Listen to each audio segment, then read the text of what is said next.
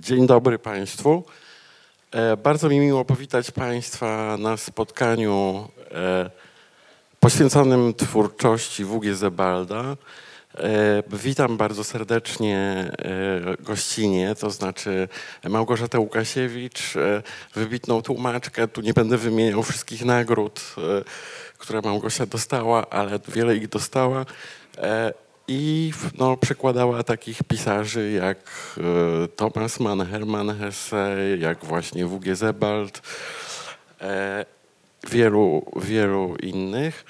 E, I e, Kasię Kończar, która jest obecnie menadżerką w wydawnictwie poznańskim, nie, ale zanim to się stało, e, też miała z Zebaldem swoją historię, bo napisała doktorat poświęcony jego twórczości, który właśnie niedawno wyszedł.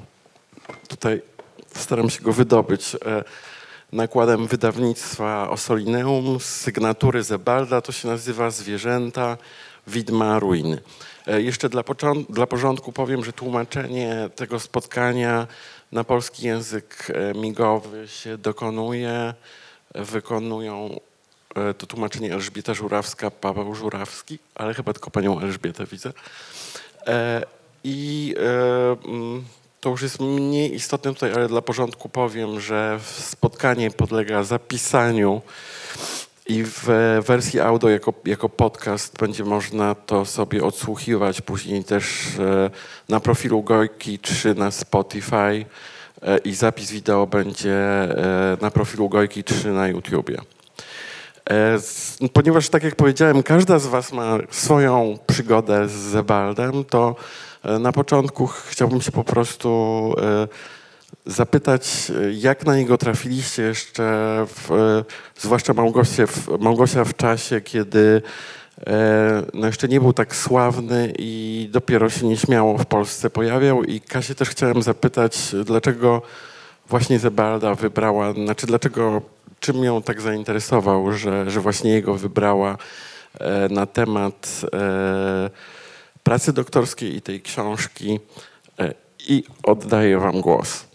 Mnie się wydaje, że to było, że ja się dowiedziałam, że jest taki pisarz Zeibald w 91 albo drugim roku i dowiedziałam się, e, no właśnie, nie z mediów, nie z recenzji, e, tylko od e, w- dobrego mojego literackiego kumpla Wernera Morlanga, który zawsze szwajcarski krytyk i badacz literatury, nieżyjący już, świętej i błogosławionej pamięci,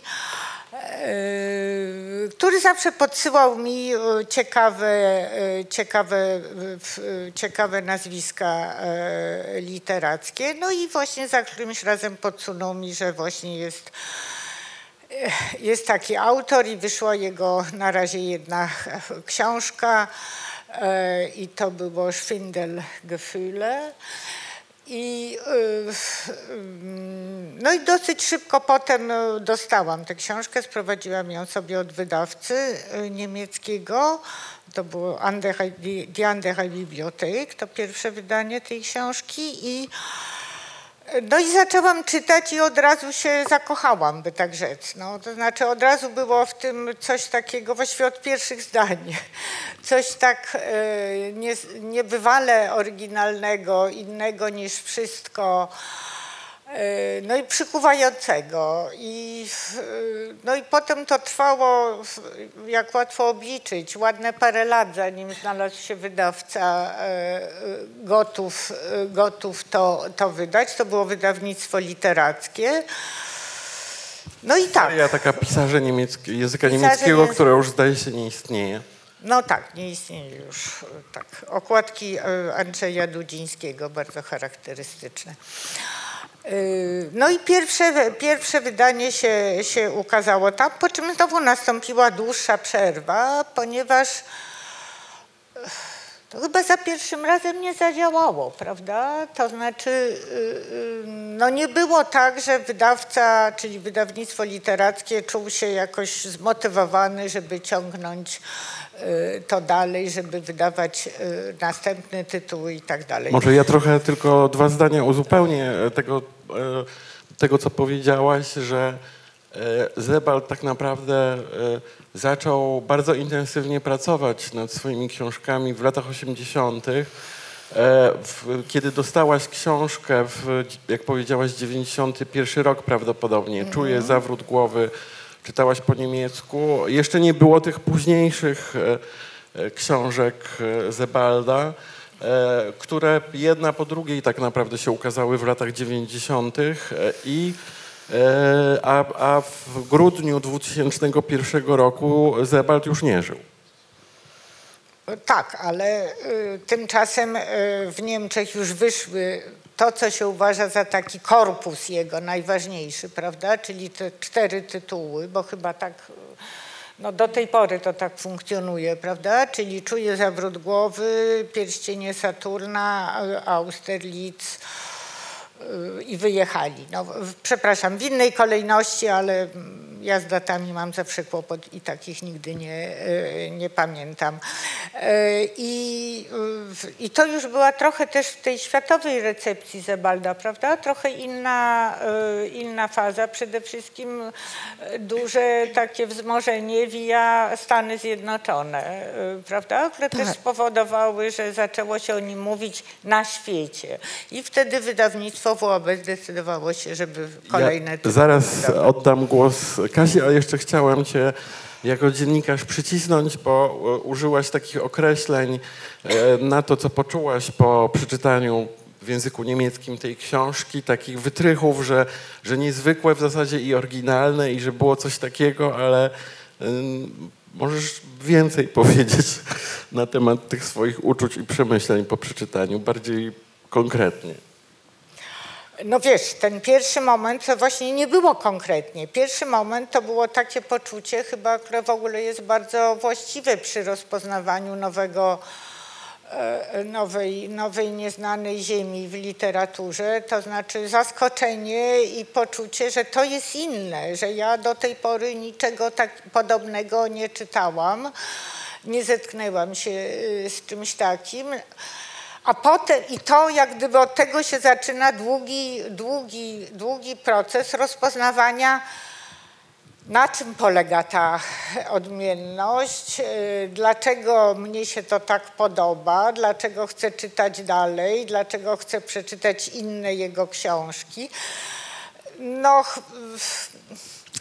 nie wiem, wydaje mi się, że dla mnie ten proces jeszcze się, do, jeszcze się nie zakończył. To znaczy ciągle jest tak, że przychodzi mi coś nowego w związku z Ebaldem do głowy. Na czym to polega? Dlaczego mnie się to tak podoba?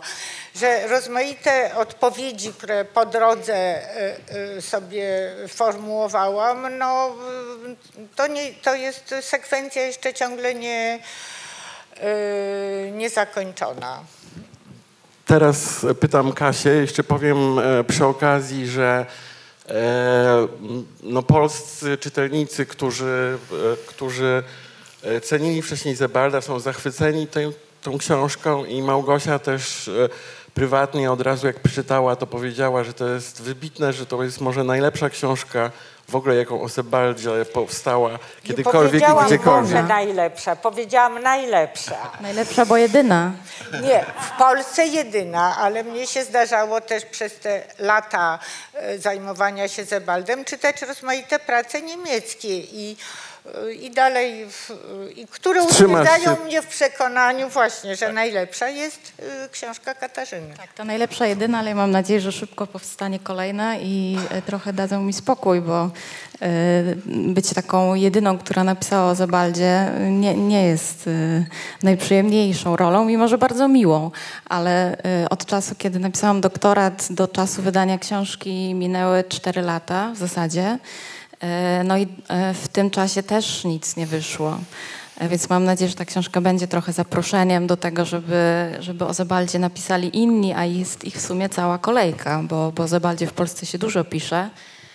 A jeszcze doda- dodając do tego, co Małgosia powiedziała, to w Polsce trochę ta recepcja wygląd była opóźniona, ponieważ e, w zasadzie to ten cały sukces Zebalda, tak jak powiedziałaś, przyszedł e, ze Stanów, bo tam jako pierwsza książka wyszli właśnie, wyszła Wyjechali, e, czyli The Emigrants. I Zuzan Zontak o niej pisała i nawet z tego co pamiętam przyjechała specjalnie do Wielkiej Brytanii, żeby Zebalda poznać. E, Tak, więc to też chyba trochę zależy od tego, którą książką Zebald wystartował pewnie w danym kraju. E, Czuję zawrót głowy, jest pewnie tą, która była wczesna. Była I najbardziej też, e, hermetyczna w Chyba, sensie. chyba tak. Mm, ró- Różnie to bywa, bo każdy ma swoje ulubione, e, ale e, też trochę recepcja amerykańska oczywiście rządzi się swoimi prawami. To w każdym kraju to wyglądało trochę inaczej, ale jak już ten Zebald w Polsce zaistniał, to zaistniał bardzo dobrze. Powiedz, kiedy, zmieniło. kiedy ty czytałaś i, i jak to się stało, że, że wsiąkłaś? E, No, mój związek z Zebaldem jest krótszy zdecydowanie e, niż e, Małgosi. Ja pamiętam, że pierwszy raz tak naprawdę spotkałam Zebalda w pociągu i to jest bardzo zebaldowska przestrzeń. Takie miejsce, które dla Zebalda jest no, jedno, jednym z, z najważniejszych w zasadzie. I pamiętam, że jechałam z Warszawy do Poznania i ktoś podarował mi w Warszawie numer zeszytów literackich i to jest ten słynny chyba 126 czy 128 numer To ja zeszytów. od razu jako Zeszytu. Bachor powiem, tam był mój artykuł o Zebaldzie w tym numerze. No więc wszystko się zgadza. E, I pamiętam, że zaczęłam czytać w pociągu. Tam były twoje przykłady, tam były wyimki z wywiadów, tam były fragmenty jego prozy. E, No i wtedy pamiętam, że pomyślałam, że gdybym potrafiła pisać e, literacko, czego nie umiem, to pewnie to chciałabym pisać jak Zebald, bo to było to, czego w prozie e, szukałam. I mam teraz wrażenie, jak pytasz mnie o to, jak to się stało, że w zasadzie wiele dróg do tego Zebalda mnie prowadziło, takich równoległych. Pierwszą na pewno było to, że sama zajmowałam się żonem Amerim, a Jean Amery jest taką kluczową, jak Państwo pewnie wiedzą, postacią w ogóle dla tej twórczości, takim dobrym duchem e, i wielkim autorytetem dla Zebalda. I więc ja i sam Zebald pisał teksty o Amerim, więc ja go tak naprawdę poznałam na początku jako krytyka, jako literaturoznawcę, ale wtedy jakoś jeszcze się nie zainteresowałam nim. E, Drugą drogą to była fotografia, którą też się wtedy bardzo w praktyce i teorii interesowałam. E, No i trzecią była zagłada, o której też trochę pisałam, więc jakby Zebald był taką soczewką w zasadzie, w której te wszystkie drogi, którymi szłam, e, się spotkały. E, I e, no było to niesamowite spotkanie, bo niczego wcześniej nie czytałam podobnego. Ja mam chyba podobne odczucie do Małgosi, że jakby było to takie olśniewające, było to coś, z czym chyba nie mogłam porównać tej prozy z niczym innym. I pamiętam, że jak wysiadłam z pociągu, to od razu poszłam kupić e, wszystkie możliwe książki Zebalda. Wtedy można by było je kupić w taniej książce za 7 zł, bo były na wyprzedażach. E, No i później poszłam do mojego promotora Przemysława Czaplińskiego i powiedziałam, że zmieniam temat doktoratu e, i piszę o Zebaldzie, a chciałam pisać o czymś zupełnie innym. E, I tak to się zaczęło. Przez tanią książkę do miłości. Przez tanią książkę do, e, tak, do, no, do miłości, tak, zgadza się. E, I, mm, a później oczywiście stwierdziłam, że to nie był dobry pomysł. E, jak zaczęłam czytać to wszystko, co o Zebaldzie wyszło, to jest ocean cały literatury angloamerykańskiej, niemieckiej. Ta recepcja jest po prostu ogromna. I zaczęłam się zastanawiać, czy to był dobry pomysł. E, Więc przez taką długą drogę uniesień, zwątpień e, w końcu udało się, że odnalazłam moją taką własną drogę do niego. E, Ale to doświadczenie lektury było rzeczywiście niesamowite i wydaje mi się, że bardzo trudno jest go porównać z jakimiś innymi pisarzami, bo w Polsce też mamy bardzo mało takich utworów. Także to była jakaś nowa jakość, zupełnie inna proza, do której byliśmy przyzwyczajeni. No i ten zachwyt pozostał do dzisiaj. Podzielam to, że za każdym razem, kiedy czytam Zebalda, a wracam do niego jeszcze, e, to, e, to odkrywam coś nowego. Także to jest taki niekończący się proces lektury. E, powiedzcie o swoich e, ulubionych bohaterach albo e, książkach po, po prostu, bo każdy, jak, jak to w przypadku takich pisarzy, którzy, e, których twórczość jest jednocześnie bardzo jednorodna, ale jednocześnie jak się zacząć z bliska przyglądać, to właśnie te różnice i zróżnicowanie w obrębie tej jednorodnej e, twórczości są ciekawe, to zwykle każdy ma swoją jakąś ulubioną książkę, czy, czy nawet ulubioną opowieść, bo te książki się e, zazwyczaj składają z, z odrębnych powie- opowieści, które się jednak łączą w jakąś większą całość. Małgosiu. No, prawdę mówiąc, na, na to pytanie, które jest taką moją ulubioną książką, to, to, to, no, to, to jest Czuję zawrót głowy, dlatego że yy, Poczułaś zawrót głowy. yy, bo to była pierwsza książka, tak? Właśnie to pierwsze olśnienie i jak gdyby najwyraźniej ten, ten impuls, to, to, to, to zais- zaiskrzenie, ta iskra jeszcze ciągle we mnie trwa, że to jest, to jest książka, do której jestem najbardziej przywiązana. To- To nie jest tak, że uważam ją za najlepszą, zresztą w ogóle nie umiałabym takiej hierarchii y, najlepszości, lepszości czy najlepszości tutaj sformułować. Y, Zelbal był cyzelatorem, to znaczy rzeczywiście te książki są niezwykle dopracowane i e, no, takie kryterium e, jakości, że coś jest lepsze, a coś gorsze, rzeczywiście bardzo trudno przykładać. Natomiast ponieważ wspomniałeś o ulubiona postać, tak? No więc właśnie to jest chyba pytanie, znaczy tu od razu się ustawiam na pozycji polemicznej. Znaczy wydaje mi się, że to jest, y, y, że, y, że między innymi coś takiego, czym Zebald nas bierze, to jest to, że tam nie ma postaci. Tam nie ma postaci. Owszem, są bohaterowie, którzy się nazywają. No, w Czuje zawrót głowy to na przykład jednym z bohaterów jest e, Stendhal, a innym Kafka.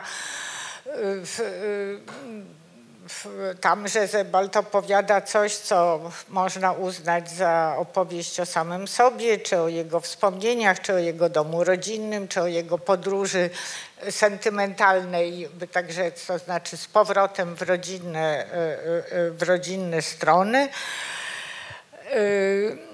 Natomiast y, chyba częściowo przynajmniej jego oryginalność na tym polega, że nie tworzy postaci, z którymi moglibyśmy się identyfikować, tak jak częściowo, chyba zawsze, znaczy dość często identyfikujemy się w ten czy w inny sposób, czy przymierzamy się do postaci literackich, prawda? Przymierzamy się do Nataszy Rostowej, zastanawiamy się, czy bardziej Pier Bezuchow, czy raczej e, książę Bołkoński nam by się spodobał.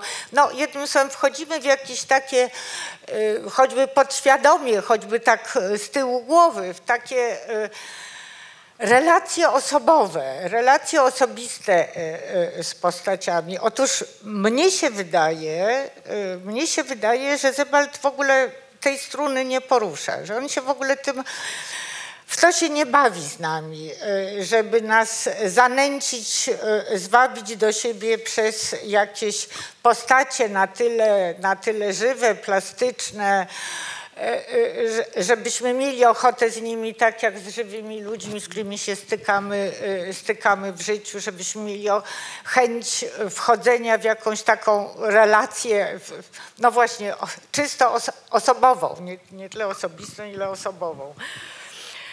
Że właśnie tej interpersonalności tutaj nam się w ogóle nie, nie, e, e, nie proponuje, jak również w zasadzie nie, nie proponuje nam się e,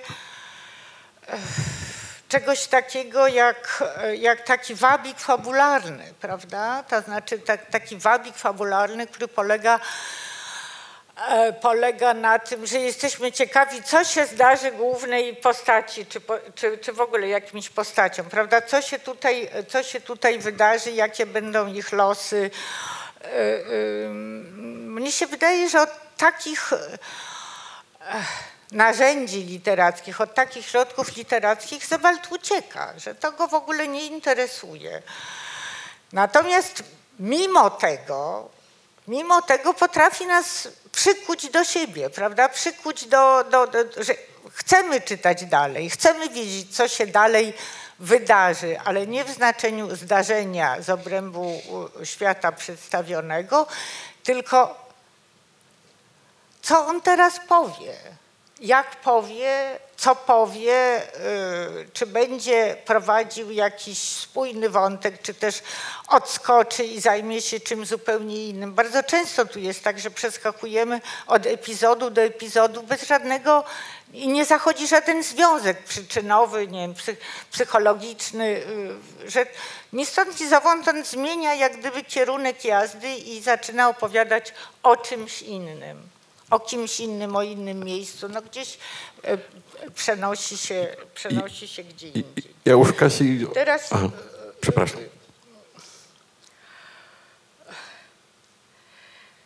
czasem mi się wydaje, to byłoby do zbadania i prawdę mówiąc nie zbadałam tego tak, e, tak porządnie, ale czasem trochę mi się wydaje, że jednym z tych, z tych wabików e, e, takich niezawodnych e, Zebalda jest to, że on konfrontuje nas z całą masą rzeczy, wspomnień, zdarzeń, sytuacji wymyślonych czy też historycznych, prawda? W pierścieniach Saturna jest cała masa wydarzeń historycznych z różnych okolic, bo zarówno z tej wschodniej Anglii, po której niby Niby, niby, niby narrator podróżuje, ale przeskakujemy z łatwością 200 lat wcześniej w tejże Anglii, albo, albo 100 lat wcześniej do Chin, albo no w ogóle w różne, w różne strony. No więc tam jest masa materiału rozmaitego, historycznego, wymyślonego, e, czasem potwierdzonego, bo czasem są właśnie te zdjęcia, które niby mają potwierdzać, że to wszystko się kiedyś komuś zdarzyło naprawdę.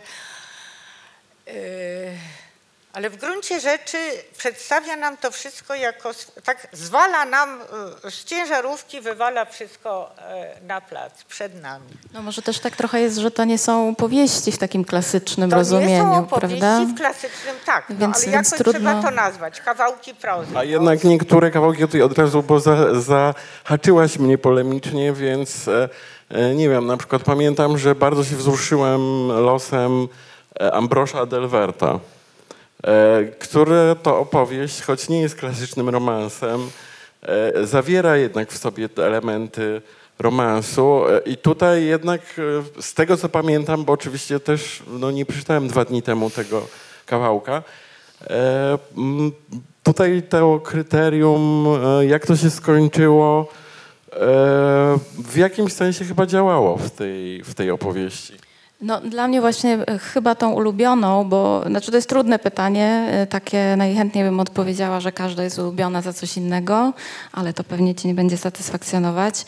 E, Więc ze mną było tak, że miałam takie fazy życiowe. Najpierw lubiłam Austerlica, później jak przeczytałam Pierścień Saturna, stwierdziłam, że to jednak Pierścień Saturna. Jak przeczytałam, ale później zaczęła mi się ta powieść wydawać zbyt skonstruowana właśnie, zbyt taka doskonała, zbyt idealna w zasadzie nawet. Zaczęłam się zastanawiać, czy tutaj no, to nie jest zbyt dobrze zrobione, e, e, bo to też jest częsty zarzut do Zebalda, że to wszystko jest trochę zbyt perfekcyjne miejscami. A później e, chyba taką ulubioną już zupełnie powieścią zostali, zostało właśnie Wyjechali, czyli to jest Ambros Adelwart, o którym mówisz, jest jednym z czterech bohaterów. E, I to jest e, przepiękna książka. Może powiedzmy dwa zdania, oprócz tego, że Państwo mogli słyszeć w ostatnich miesiącach na ten temat, bo właśnie na podstawie tego tekstu między innymi Christian Lupa stworzył spektakl, który się zakończyło skandalem i ostatecznie ten spektakl będzie prezentowany z tego co wiem w przyszłym roku w, e, w Teatrze Odeon w Paryżu. E, Jest to historia tak naprawdę coś w rodzaju zawoalowanego romansu e, między emigrantem z Niemiec, e, z, z, e, postać wzorowana na e, postaci wuja z rodziny Sebalda, e, a synem amerykańskiego milionera, którym ten pierwszy jakby zostaje jego opiekunem, towarzyszem życia i razem jakby wiodą życie, o którym możemy tylko wnioskować albo się domyślać, czy jest e, to relacja zawodowa, czy jest to właśnie rodzaj romansu. E, Tak, czy to jest rodzaj przyjaźni, relacji homoseksualnej, związku, e, tego, tego nie wiadomo w zasadzie, chociaż takich przyjaźni męsko-męskich jest u Zebalda sporo. E, Jest mało kobiet w ogóle, u Zebalda. I to jest, no, generalnie wyjechali, to jest taka powieść o ludziach, którzy właśnie w pewnym momencie wyjechali, ale nie tylko ze swoich ojczyzn, nie tylko ze swoich krajów, ale przede wszystkim postanowili wyjechać z życia. E, Jakby stwierdzili, że oni wysiadają z, z tego, co nazywamy życiem i zaczynają wieść swoje życie gdzieś zupełnie indziej. Na skrajach, na marginesach, w ogrodach, zaszywają się w swoich pieczarach, e, zaczynają żyć bardziej z naturą i zwierzętami e, i jakby każdego dnia ubywa ich coraz bardziej. To są ludzie, którzy po prostu dezerterują z życia. Jakby piękne to tłumaczenie z tego tytułu wyjechali. Die Ausgewandeten po niemiecku, po angielsku dość spłaszczony emigranci. E, Ale to jest taka powieść, która wszystkich tych bohaterów poznajemy też pod koniec ich życia, e, kiedy oni dochodzą już trochę do kresu, zaczynają widzieć, jak to mówił Jean Amery, że ich kredyt na życie się wyczerpuje, no i zaczynają ich doganiać traumy, zaczyna ich doganiać przeszłość, zaczyna ich doganiać pamięć, e, zaczyna ich doganiać przeszłość. E, No i w tym momencie wkracza narrator, który po prostu e, rozmawia z nimi, słucha ich, jest takim medium, przez które te, te opowieści płyną, ale jest w nich wiele luk, wiele niedopowiedzeń, e, wiele białych plam, tak samo jak w tej historii Adelwarta. Wiemy, jakby czytamy niby jego dzienniki i pamiętniki, ale w sumie nie do końca wiemy, co tam się stało. E, I kiedy Kosmo, czyli jego partner, umiera, Adelwart e, w zasadzie też za życia postanawia umrzeć. E, I jakby coraz bardziej się z niego wycofuje. Także to jest dość smutna opowieść, ale przepiękna właśnie w tym, mm, w tym ubywaniu, ubywaniu życia za życia. Mm, Tak bym, tak bym to nazwała. Jest to też opowieść o takim wstydzie trochę egzystencjalnym, o tym, że ci bohaterowie jakby nie czują już legitymizacji swojego życia, e, że przestało im się chcieć. I no, pod koniec wybierają życie gdzieś zupełnie e, na uboczu, w cieniu, życie emigranckie. Tematem tegorocznego e, literackiego Sopotu jest literatura niemiecka, e, mm, więc chciałbym się trochę e, zapytać Was o e, z jednej strony mm, e, stosunek Zebalda do Holokaustu, czy może raczej do tych dziennikarzy, którzy, którzy e, do, ty, e, do tych dziennikarzy, którzy pytali go i tak jakby chcieli go bardzo ustawić w roli e, pisarza, który się zajmował tym tematem. Jakby on się bardzo wymykał z, z tej szufladki. E, e, I właśnie e, w jakiej mierze on korzystał z doświadczenia, no, które było wpisane oczywiście w historię jego rodziny, jak historię każdej niemieckiej rodziny i się na tym koncentrował, a z drugiej strony wymykając się właśnie ku uniwersalizmowi pewnemu. no, w pewnym momencie przy, przylgnęła do Zabalda taka łatka pisarza Holokaustu, e, głównie właśnie przez recepcję amerykańską. E, on się stał takim mm, Niemcem, przykładem Niemca, który, który pisze w ramach takiego trochę zadośćuczynienia o żydowskich losach. E, Bardzo niesłusznie też właśnie książkę wyjechali. Tę, która wyszła jako pierwsza w Stanach Zjednoczonych, uznawano za takie trochę rozliczenie, e, taką historię właśnie zagładową, a jak dobrze poczytamy, to tutaj nie każdy z bohaterów, e, nie, nie wszyscy są Żydami, to, to nie jest tylko taka historia. No i to jest krzywdząca łatka oczywiście, krzywdzące zaszufladkowanie Zebalda. On zresztą sam mówił o tym, że i to wynika bardzo jasno z jego twórczości, że on nigdy nie traktował zagłady Żydów europejskich jako wydarzenia jednostkowego czy wyjątkowego w tym sensie, e, że jakby ono powstało nagle z niczego i było takim klinem, jakby, który się wbił w XX wiek, tylko on w swojej twórczości pokazuje, że zagłada jest, że jakby historia jest takim pasmem powracających, nawracających katastrof. Nie jest to pierwsza zagłada nie, i i jakby jego hi- historia w ujęciu Zebalda jest takim pasmem perseweracyjnie powracających Zapewne nie ostatnia również. genocydów e, i jakby historia ludzka wpisana jest w taki naturalny bieg e, historii. E, Także on bardzo często powtarzał to też w wywiadach, e, że nie traktuje zagłady jako, e, jako w- wydarzenia, które byłoby unikatowe, jakkolwiek dziwnie to zabrzmi, ale wpisuje jakby w cały ciąg katastrof, które, które, które znamy e, w dziejach ludzkości. E, Ale oczywiście wielu jego bohaterów to, to są Żydzi. E, Zagłada, samo w ogóle słowo Auschwitz czy zagłada praktycznie nie pada w jego twórczości. On pisze w zasadzie nie o zagładzie, a o tym, co ta zagłada pozostawiła, jakie są skutki zagłady, o konsekwencjach zagłady.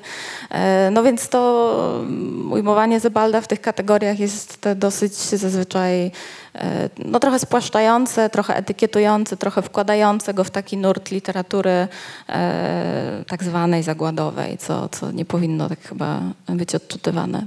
Małgosiu, może ja od ciebie zapytam o wojnę powietrzną i literaturę w tym momencie, która e, nie wiem, czy w Polsce nie była trochę źle odczytana, znaczy czy nie było w podtekście odczytania tej książki e, e, trochę zdziwienie i e, takie zażenowanie może nawet, e, czy Zebaldowi wolno e, tak bardzo podkreślać e, niemieckie cierpienie. Czy trochę nie było takie, taka podejrzliwość, że tutaj jednak jakiś rewizjonista z niego wychodzi.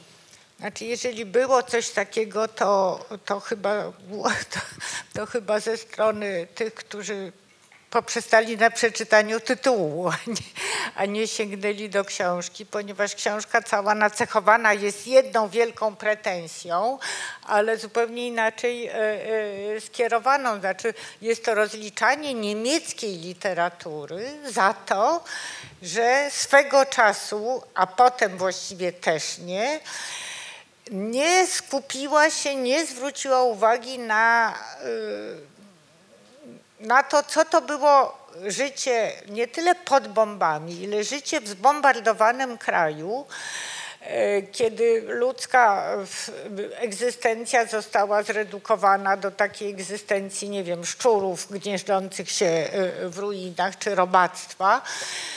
Yy, I że przecież musiało być to wielkie przeżycie, bo wiadomo, że takie doświadczenia nie przechodzi się nad tym do porządku dziennego i że literatura niemiecka absolutnie się od tego odwróciła. I y, no, robi porządek, że tak powiem, y, ochrzania y, swoich starszych kolegów, że wtedy takich książek nie napisali, a raczej nawet gorzej, bo napisali inne książki, które jemu, Zebaldowi, bardzo się nie podobają. To znaczy z takim patetycznym, no utrzymanym trochę w duchu takiego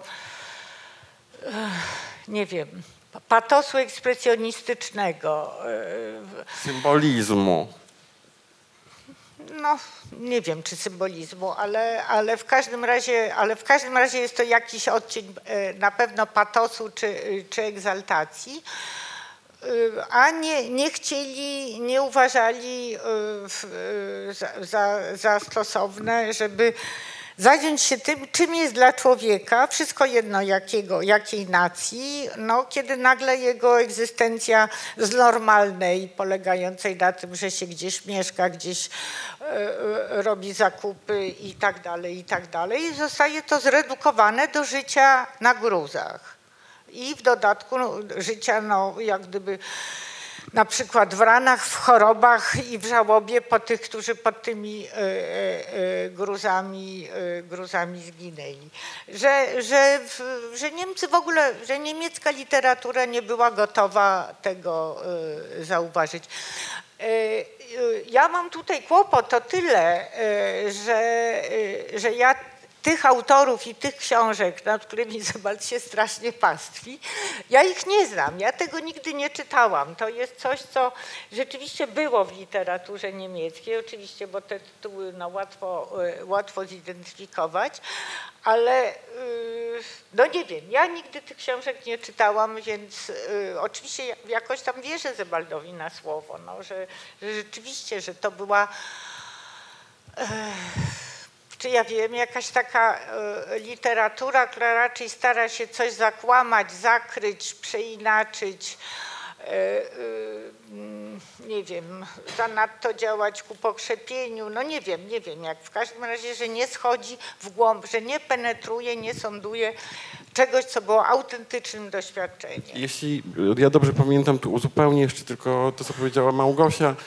E, W wojnie powietrznej też Zebald e, zatrudniał freudowską aparaturę, żeby wy- wyjaśnić e, ten, to zjawisko, że tak ważne wydarzenie dla wielu Niemców zapewne najważniejsze wydarzenie II wojny, czyli te bombardowania, które on w, tak, w formie tak e, przerażają, znaczy naprawdę się przeraża ta książka, jak się ją czyta, bo- opisuje to, co się dzieje wewnątrz i jak to może wyglądać, kiedy właśnie te bomby spadają ci na głowę zapalające.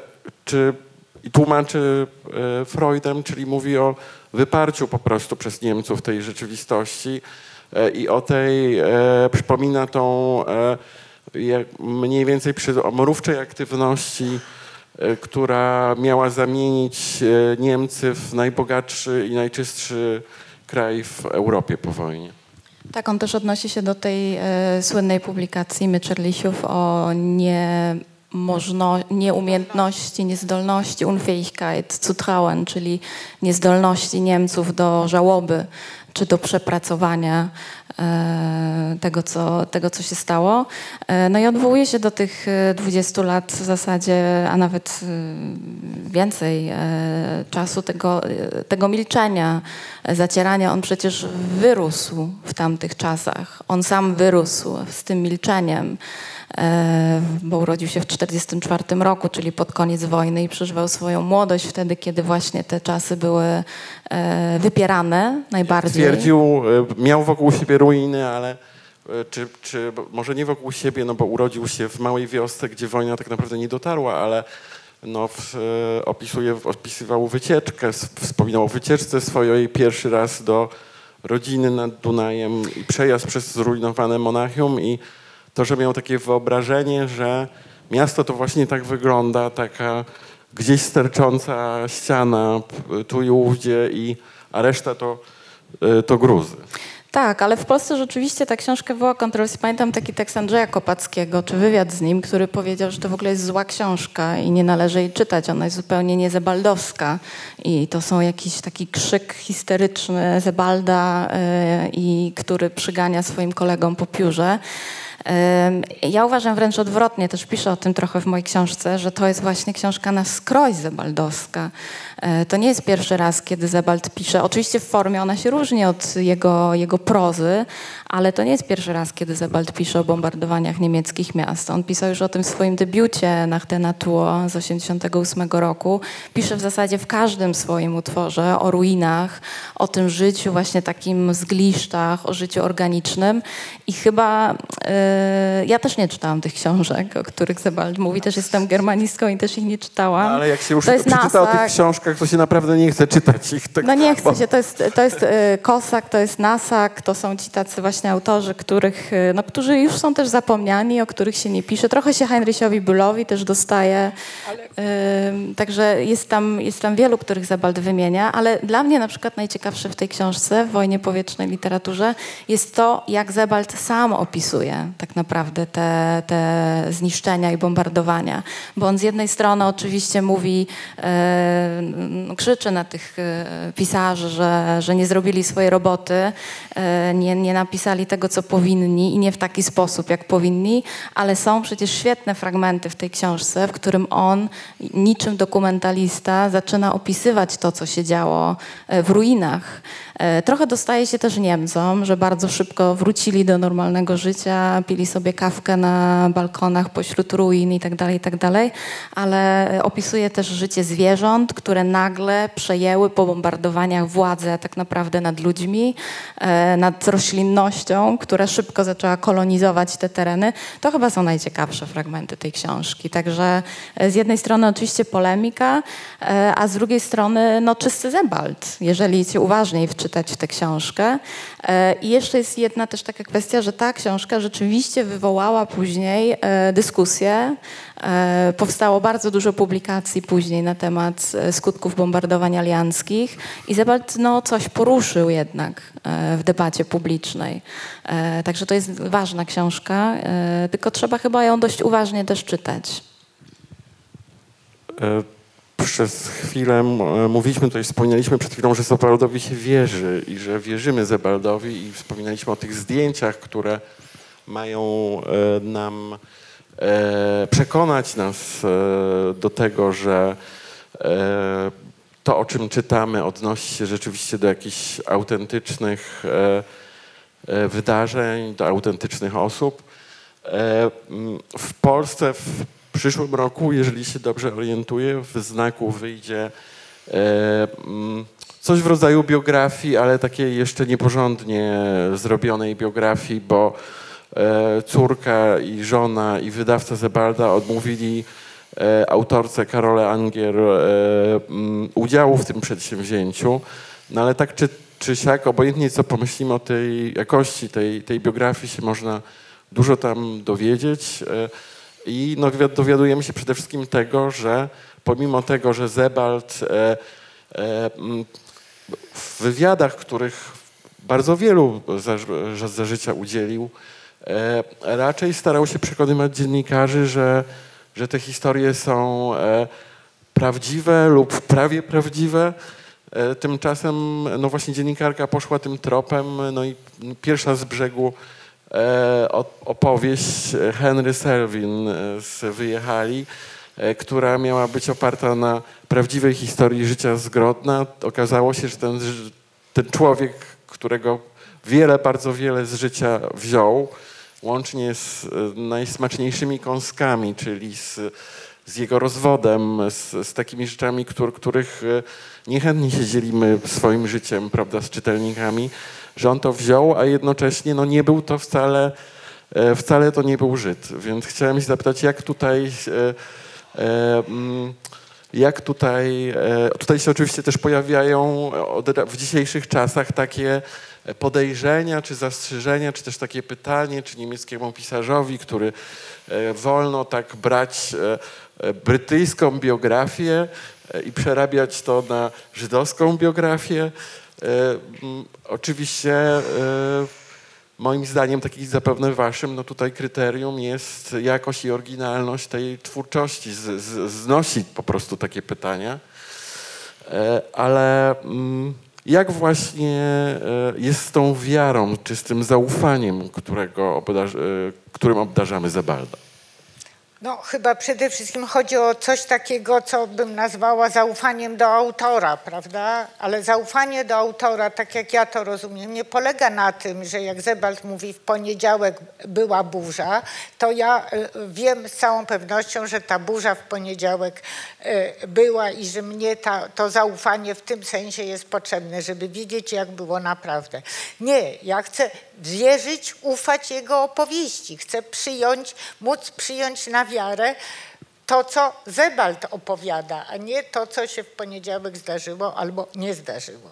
Bo w tej sprawie mogę sobie zajrzeć do e, kroniki meteorologicznej. Od literatury jednak oczekuję e, czegoś innego. Ja jeśli, jeśli wolno bym, y, jak gdyby mniejsza o to, co, co ma prawo zrobić Niemiec y, z Anglikiem i z Żydem, bo jakby naprawdę w to, w to, w to wolałabym nie wchodzić. Natomiast y, jest takie miejsce w, w, w Pierścieniach Saturna, jest jeden rozdział, którego bohaterem jest no, Józef Konrad, czyli Józef Konrad Korzeniowski. I jest tam obszerny y, y, y, opowieść o życiu y, Konrada, jeszcze tej, tej części życia spędzonego w Polsce, to znaczy rodzice, y, zesłanie, y, śmierć ojca, no i tak dalej, i tak dalej. I jest również mowa o tym, jak to y, Konrad już y, człowiek dorosły odwiedza swojego wuja y, w Kazimierowce. Odbywa się to zimą, e, straszliwe e, zaspy, e, jazda saniami przez e, kompletnie zaśnieżone e, pola. To wszystko znajduje się e, w książce Konrada, e, która jest po polsku, nazywa się Ze wspomnień i jest to szczegółowo opisane i mowa jest o tym, że jedziemy tymi saniami.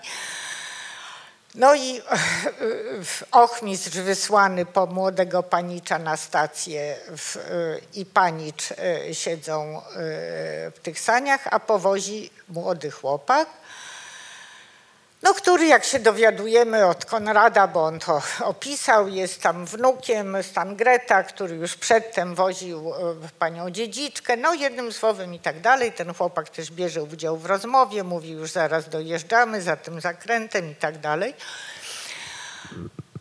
No właśnie, a u Zebalda wygląda to zupełnie inaczej. E, Mianowicie e, jedziemy tymi saniami, panicz i ochmistrz i chłopak, który powozi, który jest głuchoniemy. Czyli e, można to opowiedzieć w ten sposób, że ten Zebald jechał tymi saniami razem z Konradem, czy za Konradem, prawda? Jechał, jechał tym tropem, tym zostawiali jeden ślad e, w śniegu. I nagle skręcił, prawda? Wybrał własną ścieżkę. Jemu, on chciał tę scenę zapisać inaczej. On widział to jako chłopak jest głuchoniemy. Dlaczego jest głuchoniemy? Ano, Zapewne dlatego, że jest tak skupiony na innym sposobie odbierania świata, y, y, odznacza się nadzwyczajną orientacją y, w tym kompletnie zaśnieżonym, zasypanym bielą pejzażu, potrafi znakomicie odnaleźć drogę. Dlatego, że widzi i cały jego kontakt ze światem to są oczy. Nie uszy, nie mowa, tylko oczy ponieważ jest takie miejsce w innej książce Zebalda, który pisze w pierwszej osobie. Kiedy patrzę na obrazy, tak, cytuję z pamięci, kiedy patrzę na obrazy Pisanella, przychodzi mi czasem do głowy, że chciałbym pozbawiony być wszelkich zmysłów z wyjątkiem wzroku. Znaczy, jak gdyby ten na moment chciał siebie umieścić jako Stangreta, jako po- powożącego tymi saniami i właśnie kogoś, kto tylko na świat patrzy, a poza, pozostałe zmysły ma zamknięte. Yy, No, jest to fantastyczna opowieść o tym, jak yy, yy, jeżeli przymierzyć te dwa kawałki z Zebalda i z Konrada, które są bardzo wierne, prawda? Znaczy właśnie jest ta stacja, potem jest opatulanie się w saniach, potem jest ta podróż przez te niekończące się zaśnieżone pola. No i w pewnym momencie, i w pewnym momencie te opowieści zaczynają się diametralnie różnić. Yy, yy, Jest, yy, w- w- mnie zdarzyło się yy, yy, z Zabaldem yy, krótko korespondować, ale... Właśnie chciałem zapytać za chwilę, Dobrze, opowiadaj już teraz o tym. nie, nie. Najpierw chciałam opowiedzieć o jego, o korespondencji z jego angielskim tłumaczem. I w jednym, w jednym z listów Zebald pisze, że ja to po prostu tak widziałem. Znaczy tak widziałem, tak widziałem tę drogę saniami i tego chłopaka, że on ma być głuchoniemy, a nie tak jak u Konrada, no, w- władający wszystkimi zmysłami. Y, y, Czyli w pewnym momencie po prostu ujawnia się coś takiego, że no, ujawnia się suwerenna decyzja autorska, prawda? Ja to tak napiszę. A że będziecie potem porównywać i będziecie mnie zapytywać, e, dlaczego opowiadam niby za Konradem, a tu nagle go e, fatalnie zdradzam, no ale ja to właśnie tak widziałem. To opowiedz o tych listach, skoro już jesteśmy przy tym, które wymieniałaś, bo chciałem zapytać, po pierwsze, czy jesteś w ogóle taką tłumaczką, która lubi kontakt z e, autorem i e, czy raczej lubisz sobie po swojemu robić i e, żeby ten autor tutaj, no, czy, czy wolisz być po prostu odseparowana? No ale to, to chyba trudno mi odpowiedzieć na to pytanie, dlatego że ym, no jakby spośród autorów, których tłumaczyłam, znaczna część umarła zanim ja y, no, nauczyłam nie się czytać. Nie wszyscy jednak. Y, Więc y, poza tym kontakty z autorami kiedyś nie były tak proste jak, y, jak dzisiaj. Dobrze, z Baldem w każdym razie wymieniałam listy pisane na, na papierze i wysyłane pocztą w kopertach. No tak, no. Mówiłam o tym wiele razy, ale jest to ciągle historia, którą bardzo lubię. Otóż pierwszy mój list y, y, y, jakby doty, dotyczył tego, to było po, po, po, po tym, jak, znaczy kiedy, kiedy pracowałam nad Czuję zawrót głowy i tam w jednej z tych opowieści, czy z tych kawałków prozy jest mowa o tym, że narrator pierwszoosobowy siedzi w, w stanie raczej no, takim depresyjnym y, y, w, w Wiedniu na, na skwerze przed, przed ratuszem i karmi, karmi ptaszki, które tam, e, tam przylatują i że tam były takie, takie, no, rozmaite, a jednego sobie nazwałem po niemiecku Zeinafogel.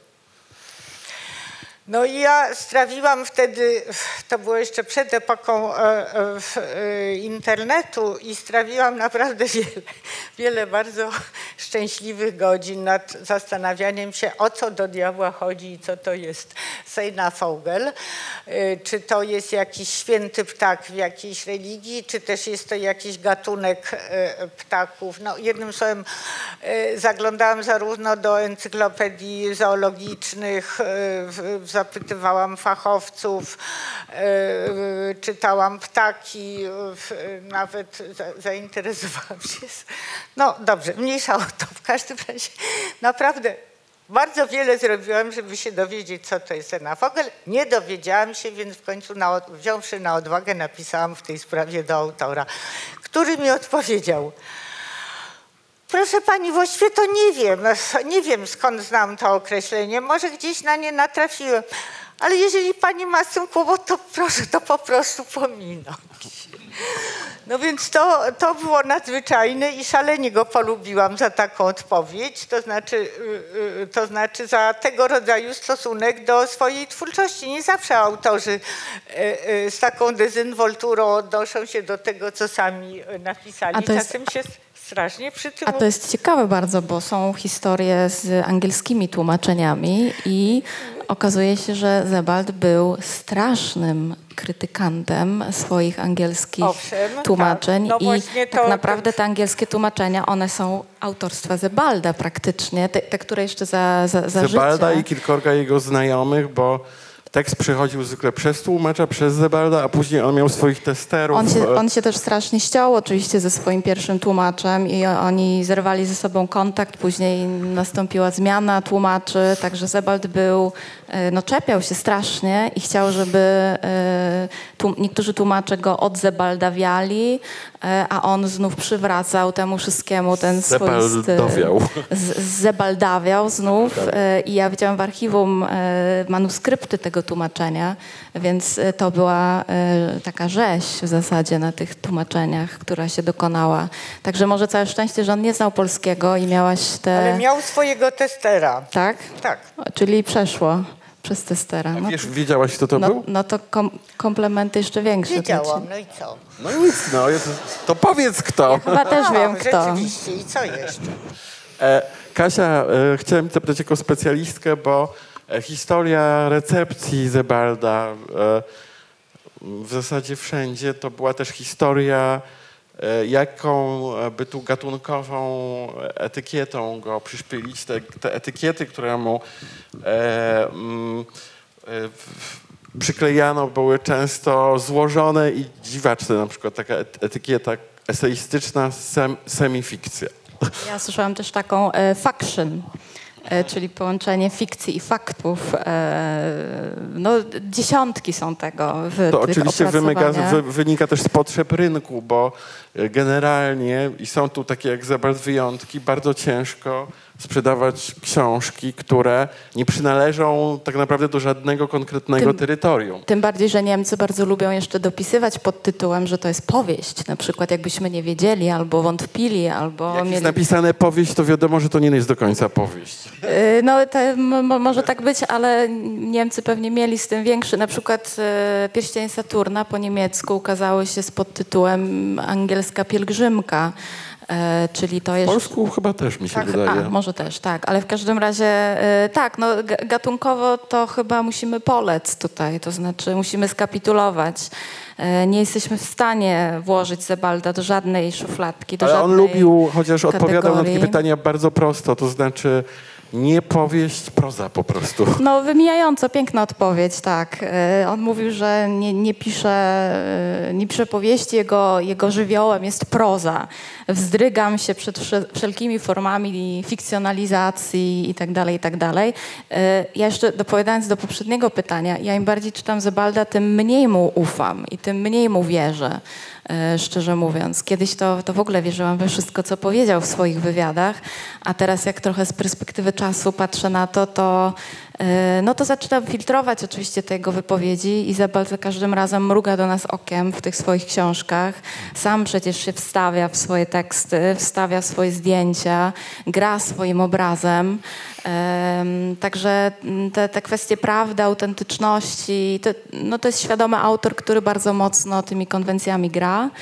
E, A jeżeli chodzi o gatunek, no to e, wydaje mi się, że najlepiej nie określać tych utworów. E, Ale, ale lubił e, termin, który się od, e, odnosił nie tyle do finalnego efektu pracy, co do sposobu powstawania, czyli, czyli lubił ten termin bri- bricolage. Może Tak, on miał takie dwa ulubione terminy. Jednym z nich to był bricolage i on go e, wziął od Levi Straussa e, z myśli nieoswojonej. I to była taka forma pracy pierwotnej. On to nazywał, że to jest taka wilde Arbeit, taka dzika, spontaniczna praca, która polega na grzebaniu w jakimś te, w, w- zestawie e, przypadkowych elementów i przebieraniu między nimi tak długo, aż w końcu ułożą się w jakiś wzór. E, Estetyka kolażu, montażu czy bricolażu jest oczywiście takim no, znanym środkiem w literaturze dwudziestowiecznej. E, najpierw w, sztu, w w sztukach sztuce, pięknych. tak, tak, w sztuce. E, No Izabald tak bardzo często o, o swoim pisaniu mówił, ale też równocześnie mówił, że jego pisanie jest trochę jak węszenie psa, że on po prostu chodzi z nosem i mordą przy ziemi, węszy i, i stara się iść tymi tropami, do których zaprowadzi go węch, w jego przypadku pewnie wzrok bardziej. E, Także, a, a drugim takim jego ulubionym sformułowaniem było recherche, czyli dokumentalizm. To jest proza podszyta dokumentalizmem, to jest proza, w której aż roi się od e, świadectw, zdjęć, e, ilustracji, czegoś, co będzie sprawiało, że uwierzymy jeszcze bardziej. E, Ale sam Zebald też e, wielokrotnie mówił, że te zdjęcia, które wmontowuje, bo on używał takiego słowa, e, z jednej strony oczywiście mają potwierdzać autentyczność i uwiarygadniać to, o czym mówi i zaraz dodawał, ale jednocześnie wprowadzają możliwość fałszerstwa. E, I między tym fałszerstwem a autentycznością e, rodzi się, e, jak to sam Sebald powiedział, co w sumie dziwne słowo dla niego, powiedział, że robi się podniecenie. I to podniecenie u czytelnika jest tym, co powinno, powinno powstać, czyli jakiś taki ruch między prawdą a fałszem, między autentycznością a, a zakłamaniem. E, No, bardzo złożona kategoria. Są tacy, którzy, jak jego biografka, e, i słusznie powiedziałeś, że to jest coś na kształt biografii. Ja nie jestem wielką fanką tej biografii, która powstała, muszę przyznać, ale e, biografka bawi się w taką detektywkę i szuka po prostu, czy ta scena była prawdziwa, czy prototypem tej postaci był rzeczywiście Żyd, a może Niemiec. I jakby ta biografia ma 800 stron chyba i większość z tej biografii to są takie dociekania. Dla mnie to nie wnosi zbyt wiele w zasadzie do, do odczytania. Może wnosi do biografii, nie wiem, y, może wnosi do jakichś takich rozkmin na temat y, prawdy y, w literaturze i, i właśnie tego zawłaszczenia kulturowego, o którym często się mówi teraz, bo jest to taki, taki modny temat. No, ale do czytania Zebalda to chyba nie wnosi wiele, wydaje mi się. Na koniec, bo zaraz już chciałem Państwu oddać już godzinę, rozmawiamy, e, głos. E, Chciałem zapytać o napięcie, którego, które u niego jest e, między mizantropem ewidentnie, a empatą. Chociaż nie ma chyba takiego słowa jak empata, ale, ale jest, bywa Zebald empatą.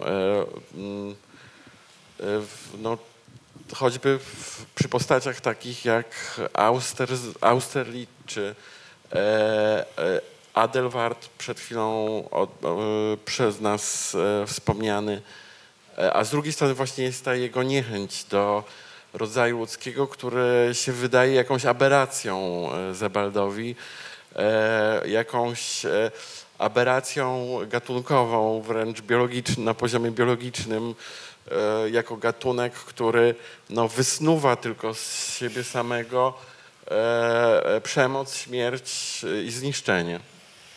Więc jak widzicie, to te dwie e, kategorie Izebalda. Empatia, e, mizantropia i Zebald. Znaczy myślę, że, że i mizantropia w takim mocnym znaczeniu, tak? Znaczy takie nielubienie ludzi, nie tylko ich unikanie, tylko takie no, Twarda mizantropia. twarda mizantropia i empatia, że jest jedno i drugie. I to jest oczywiście bardzo ciekawe, y, bardzo ciekawe y, połączenie takim, takim mm, dla mnie takim, takim przykładem, bo, bo dobrze, jak y, Zebald jest w Belgii i przy, znaczy Zebald, narrator jednego, jednej z prób Zebalda przebywa w Belgii i właśnie się szykuje do napisania czegoś morderczego o, no, o historii kolonii belgijskich, prawda, i o królu Leopoldzie i tak dalej. A w tejże Belgii widzi wokół siebie tłustych, zadowolonych czekoladożerców. No to to jak gdyby możemy zrozumieć jako coś takiego.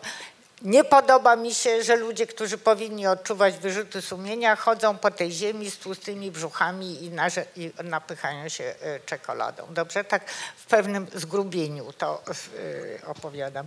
Natomiast dla mnie taką sceną e, która bardzo dużo e, o tym mówi. Jest taka scena e, z pierścieni e, Saturna, kiedy znowu nie Zebal, tylko narrator, oczywiście na wysokim klifie patrzy w dół na, na wąski kawałek plaży, który jest pod nim i widzi tam kochającą się parę. I jedyne, co ma o tym do powiedzenia, to jest pewnego rodzaju obrzydzenie, y, że to jest ten właściwie coś w rodzaju takiego potwora, który tak o ośmiu y, Kończynach. kończynach, który się takiego jakiegoś, jakiegoś nieapetycznego mięczaka, dość potwornego, który może wyłonił się z morza i w, tu jest taka jakby gatunkowe odrzucenie, prawda, że ten człowiek to jest taki obrzydliwy gatunek, Prawda, że ani, ani nie ma tam e, takiej myśli, która no skądinąd mogłaby się nasuwać, prawda, że no fajnie, fajnie mają, jak się tam kochają na plaży, prawda.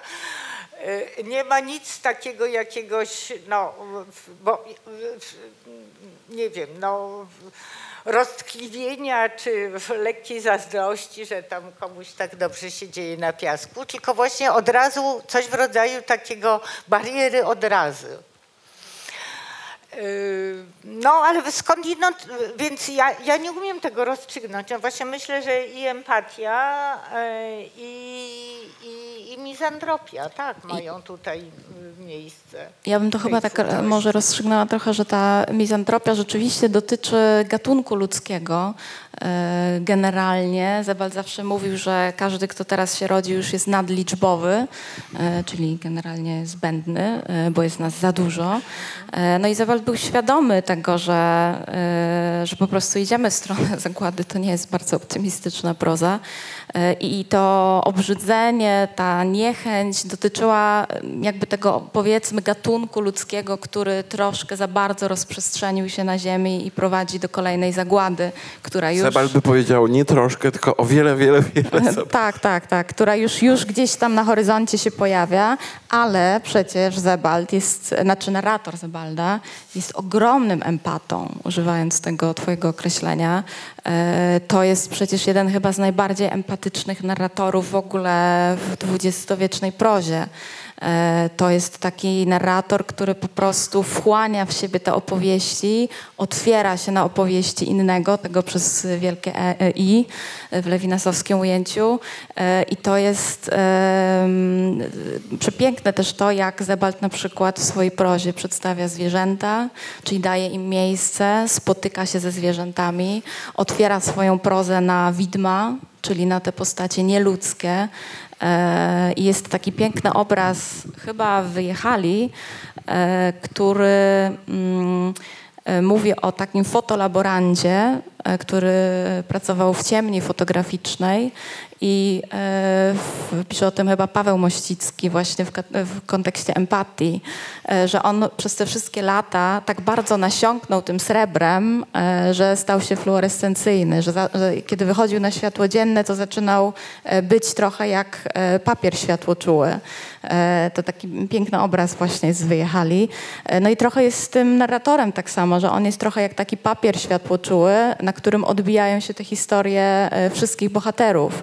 I to jest piękna metafora Pawła Mościckiego, który właśnie e, świetny tekst napisał o empatii e, w prozie Zebalda. E, Także mizantropia owszem, i z tej mizantropii w zasadzie Zebald dużo czerpie, ale w odniesieniu do tego ogól, do gatunku ludzkiego, tej globalnej perspektywy, ale w kontakcie z drugim człowiekiem, nie tylko człowiekiem, bo w zasadzie z każdą istotą, też nieludzką, Zebald ma ogromne połacie empatii. Także dla mnie to jest jeden z takich bardziej empatycznych e, pisarzy, mimo że w jego prozie nie ma na pierwszy rzut oka wielu uczuć e, i relacji międzyludzkich, tak jak powiedziałaś Mogosiu na początku, że to są bardziej sceny, obrazy. E, Nie mamy tutaj za bardzo tego, do czego się w powieściach przyczepiamy, do uczuć, emocji, rozwoju akcji. E, No tutaj tego nie dostaniemy. Trzeba się trochę pogodzić z tym. To ja teraz bardzo proszę, zachęcam Państwa do zadawania em, empatycznych i, i, i mizantropicznych py- Nie, tylko pytań. empatyczne prosimy. Tylko empatyczne prosimy. Chciałam zapytać o te inicjały y, imion. Dlaczego, e, nie można rozwinąć, że tak powiem, i powiedzieć, że to był Winfried, zdaje się, Georg, czy już nie wiem. Ale chyba we wszystkich tłumaczeniach jest, prawda? Tylko są inicjały. Dlaczego? Przepraszam, ale chyba nie, nie, nie dosłyszałam. Dlaczego inicjały Dlaczego tylko przy imieniu? A dlaczego tylko inicjały? Ja mogę na to odpowiedzieć, bo ja to prześledziłem. Znam historię. Ale Tak. uważaj, Może nie, nie znasz prawdy. może, może nie znasz Mogę nie znam prawdy, no ale w Właśnie, biografii właśnie. jest cała historia No z tak, tymi tak, jego tak. No inicjałami. tak, tak, Najpierw e, e, po e, wyjeździe do e, e, Wielkiej Brytanii używał imienia Max, ale później jednak w książkach wrócił do prawdziwych imion, które e, otrzymał przy chrzcie, czyli Winfried Georg, ale jednak zamaskowanych. No to znaczy, y, on bardzo często o tym mówił. E, Winfried po prostu wydawało mu się zbyt e, niemieckie, e, no bo Winfried to jest niemieckie imię, słychać. E, a Georg to jest imię jego ojca, którego on jednak e, miał bardzo napiętą relację ze swoim ojcem, odrzucał go jako nazistę po prostu. E, chociaż w biografii Zebalda, której nie, nie bardzo lubię, ale to, to ten fragment był Ale akurat można się dobry. jednak tego i owego dowiedzieć tak, z tej można, biografii. Można, No, oczywiście. oddaj- On kiedyś sam tłumaczył takiej swojej znajomej, dlaczego Max, i mówił, że M to odwrócone W, A, bo musi być samogłoska, e, a X to nie wiadomo. E, więc e, mo, e, mo, można to tłumaczyć tak. Max jeszcze też dlatego, że on mieszka w pewnym momencie na Maximilianstraße, e, chyba we Freiburgu czy we Freiburgu. Także w sumie tych wyjaśnień jest sporo, ale generalnie chodzi o to, że to było bardzo niemieckie, a Zebald do niemieckości był nastawiony Ambiwalentnie. ambiwalentnie, nazwijmy to tak ładnie. Ale jeśli można, to coś do tego Georga chciałabym dorzucić, tak? Oczywiście, że to jest niemieckie imię.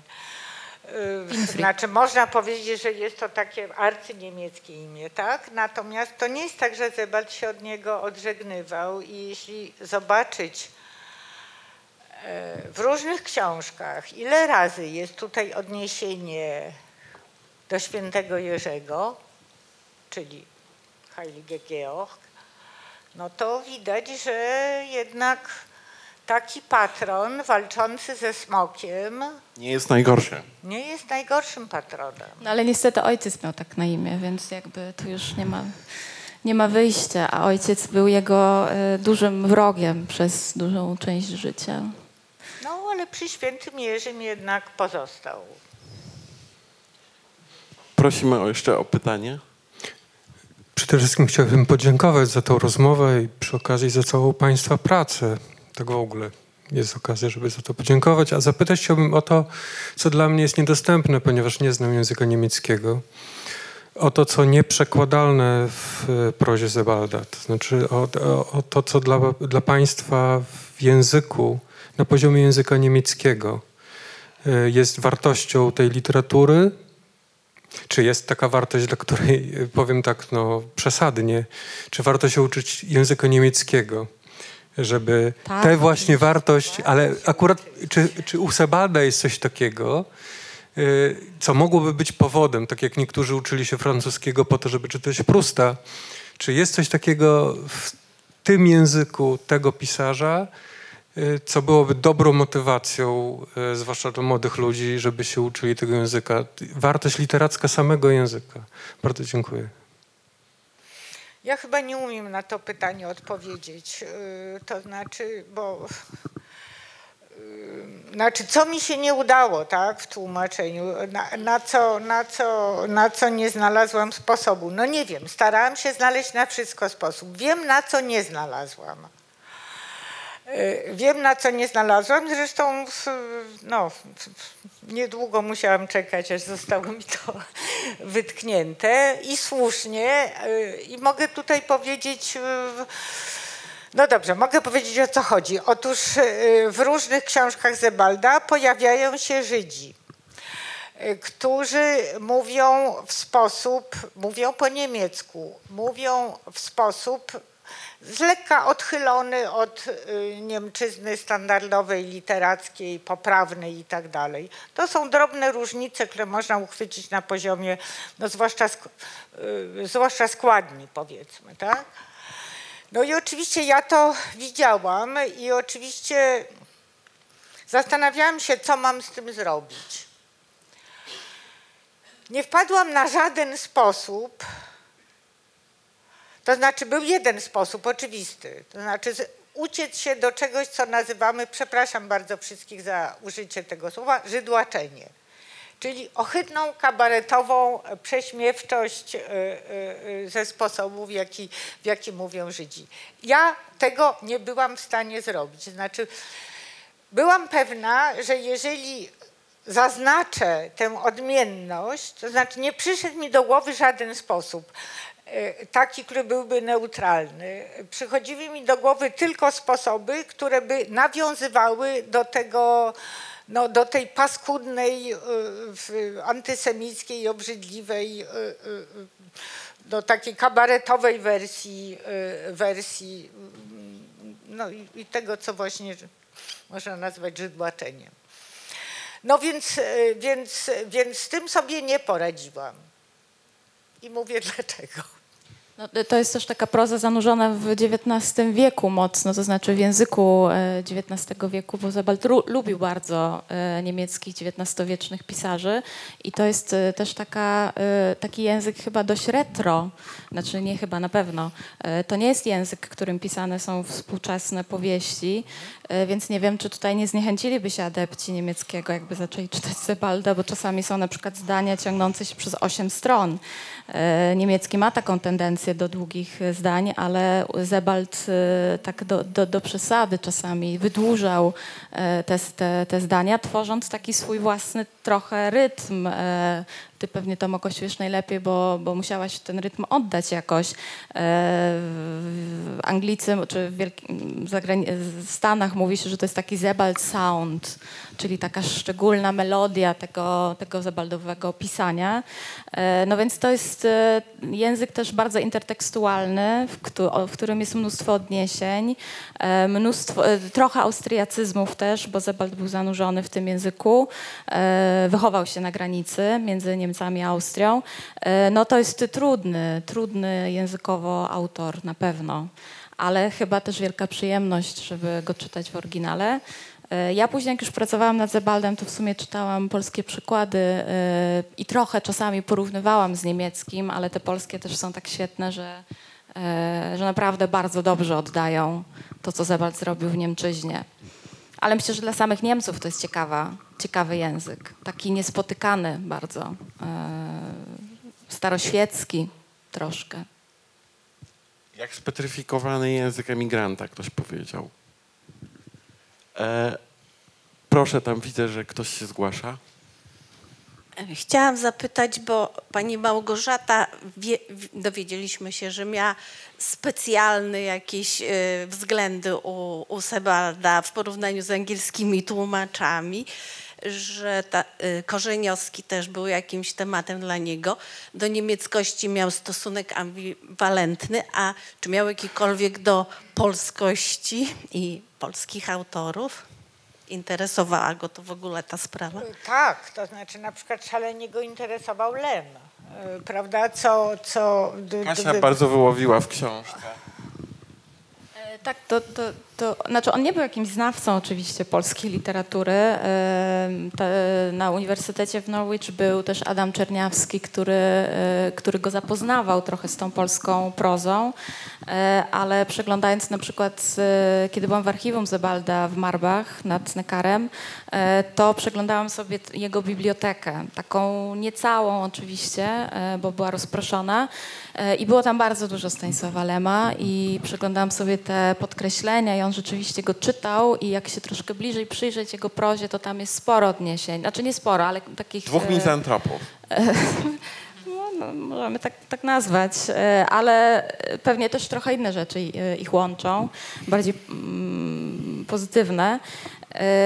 Także czytał go, lubił i chyba gdyby ktoś pokusił się o taką pracę trochę komparatystyczną To między bardzo ciekawe, bo Lemem a Zebaldem, to by była świetna praca. Także jak ktoś tutaj ma takie e, zakusy, to Kasia, Prosi- sprz- Kasia no sprzedała temat. Sprzedałam, tak. Cały czas sprzedaję, nikt nie chce go podjąć. Kolejnym takim pisarzem, który, którego znał z Polski był Bruno Schulz, którego czytał i tutaj te y, analogie są bardzo duże między Schulzem a Zebaldem. E, Czytał na pewno Republikę Marzeń, taki Republik de Träume, taki zbiór przetłumaczony na niemiecki. Em, Wiem, że czytał Herberta i sporo jest tych, też, zdarzają się takie porównania e, Zebalda do Herberta. No i to chyba tyle z takich dużych autorów. Wiem, że na przykład bardzo też interesowało go w Lemie e, nie tylko jego pisarstwo, ale biografia. E, Wysoki Zamek czytał bardzo uważnie. I też, e, co mnie zdziwiło, bardzo, bardzo dużo podkreśleń, bo Zebal strasznie malował po książkach, e, znalazłam w książce Witlina em, Mój Lwów chyba. To jest taka autobiograficzna książka bardzo podobna w obrazowaniu e, do twórczości e, Zebalda. E, No także jest trochę tych e, polskich wątków, aczkolwiek pisałam też kiedyś do Adama Czerniowskiego, e, pytając go o, o, o to właśnie i powiedział, że owszem, rozmawiał z Zebaldem na te tematy, ale no to nie był jakiś taki dominujący temat ich rozmów. Chyba poznał Różewicza też, bo był swego czasu w Norwich na jakiejś konferencji. Em, także trochę jest tych poloników, ale, e, ale bez przesady. Jeszcze? Jest jeszcze jedno, jeśli A. można dopowiedzieć do tego, jedno pol, y, polonikum y, odbiegające od literatury, mianowicie fotografia. Y, y, W, y, w Krakowie była pracownia na, w XIX i na, aż do XX, ale nie pamiętam do, do którego roku, pracownia Józefa Zebalda.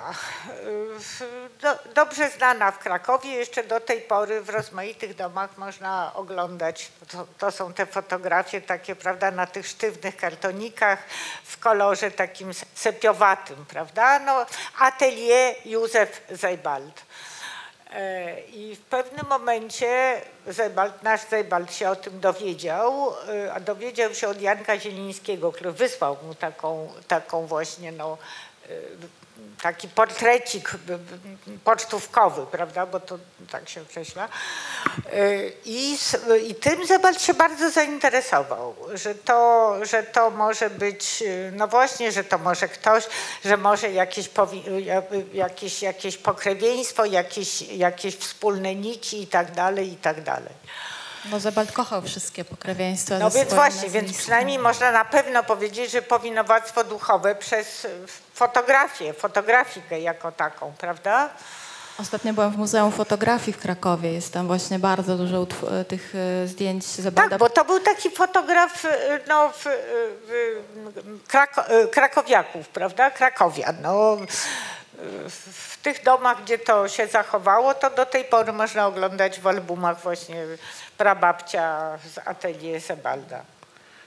Już 20 po, pio, po piątej e, będziemy za chwilę kończyć, e, ale jeszcze może ostatnie pytanie damy szansę, gdyby ktoś chciał. Dziękuję bardzo za to spotkanie, dużo się dowiedziałam. A chciałam jeszcze zapytać o biografię Zebalda. Czy były jakieś punkty zwrotne, takie decydujące w jego życiu? Bo przyznam, że niewiele wiem, mogę sobie poszukać jeszcze w internecie, ale na pewno panie mają e, wiedzę taką nieinternetową. Ja bym odpowiedziała na to pytanie, e, nie wiem, może to jest za proste, ale tak mi się wydaje, no ta decyzja, żeby e, żyć, mieszkać, pracować poza Niemcami. Tak, on najpierw próbował w Szwajcarii, potem trochę w Austrii, no w końcu ta, ta, ta, ta Anglia i, i Norwich jako miejsce pracy też, znaczy w sensie zatrudnienie na uniwersytecie. I według mnie, no, jeżeli mówić o takich zdarzeniach, prawda, takich, które w biografii są zawsze, za- to, to, to uznałabym, że to jest takie, no, Tak, to, to, to na pewno. W zasadzie to jego życie nie, było, nie obfitowało w jakieś wielkie zwroty akcji. To, to, to nie jest pisarz, Ja który może ma powiem, szaloną napisałem biografię. rok temu na podstawie właśnie tej biografii e, Karola Enger, która wyjdzie e, w- za jakieś kilka miesięcy bądź rok, więc będzie można się tak dużo naprawdę dowiedzieć.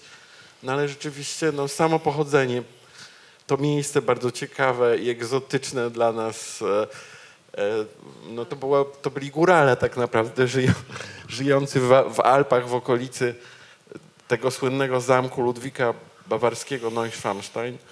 Neuschwanstein.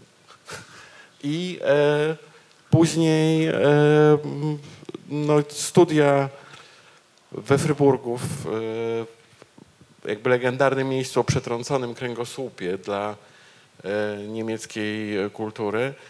E, No i rzeczywiście wyjazd, wyjazd, najpierw on pracował jako lektor w Manchesterze, a później się związał z tym uniwersytetem w Norwich, no i tam z tych jego dokonań pracował po prostu na uniwersytecie i myślę, że to było ciekawe, bo to go obs- obsadzało w tej roli enfant terrible germanistyki i e, tutaj napisał e, e, sporo artykułów, które były a- atakiem na różnych pisarzy niemieckich z różnych, z różnych powodów, ale ważne było to stworzenie centrum tłumaczeń e, na Uniwersytecie w Norwich, myśl- myślę, co, co było dla niego ważne i co e, zapowiadało jakby wydaje mi się dzisiejsze czasy, kiedy język angielski się otworzył trochę na dopływ krwi z innych języków. No to widać choćby po nagrodach dzisiaj, gdzie Booker jest przyznawany do najlepszych książek roku, też pisanych przez autorów nieanglojęzycznych,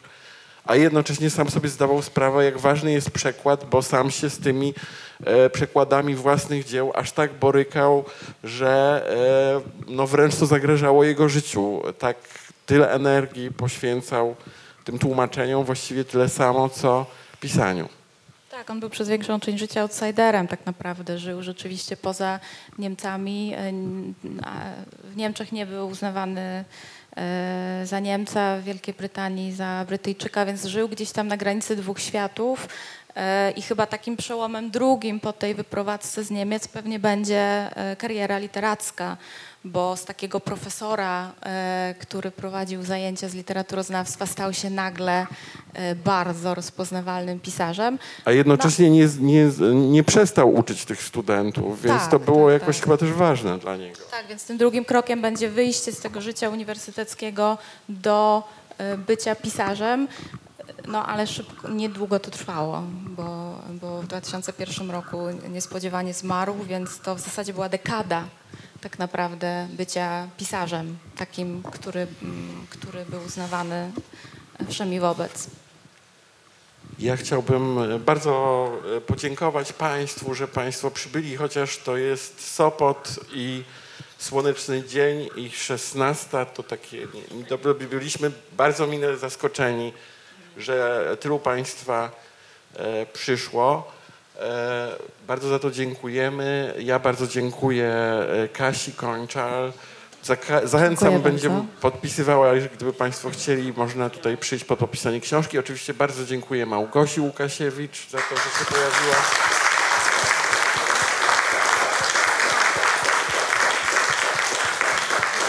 I za tłumaczenie dziękuję bardzo Elżbiecie i Pawłowi Żurawskiemu.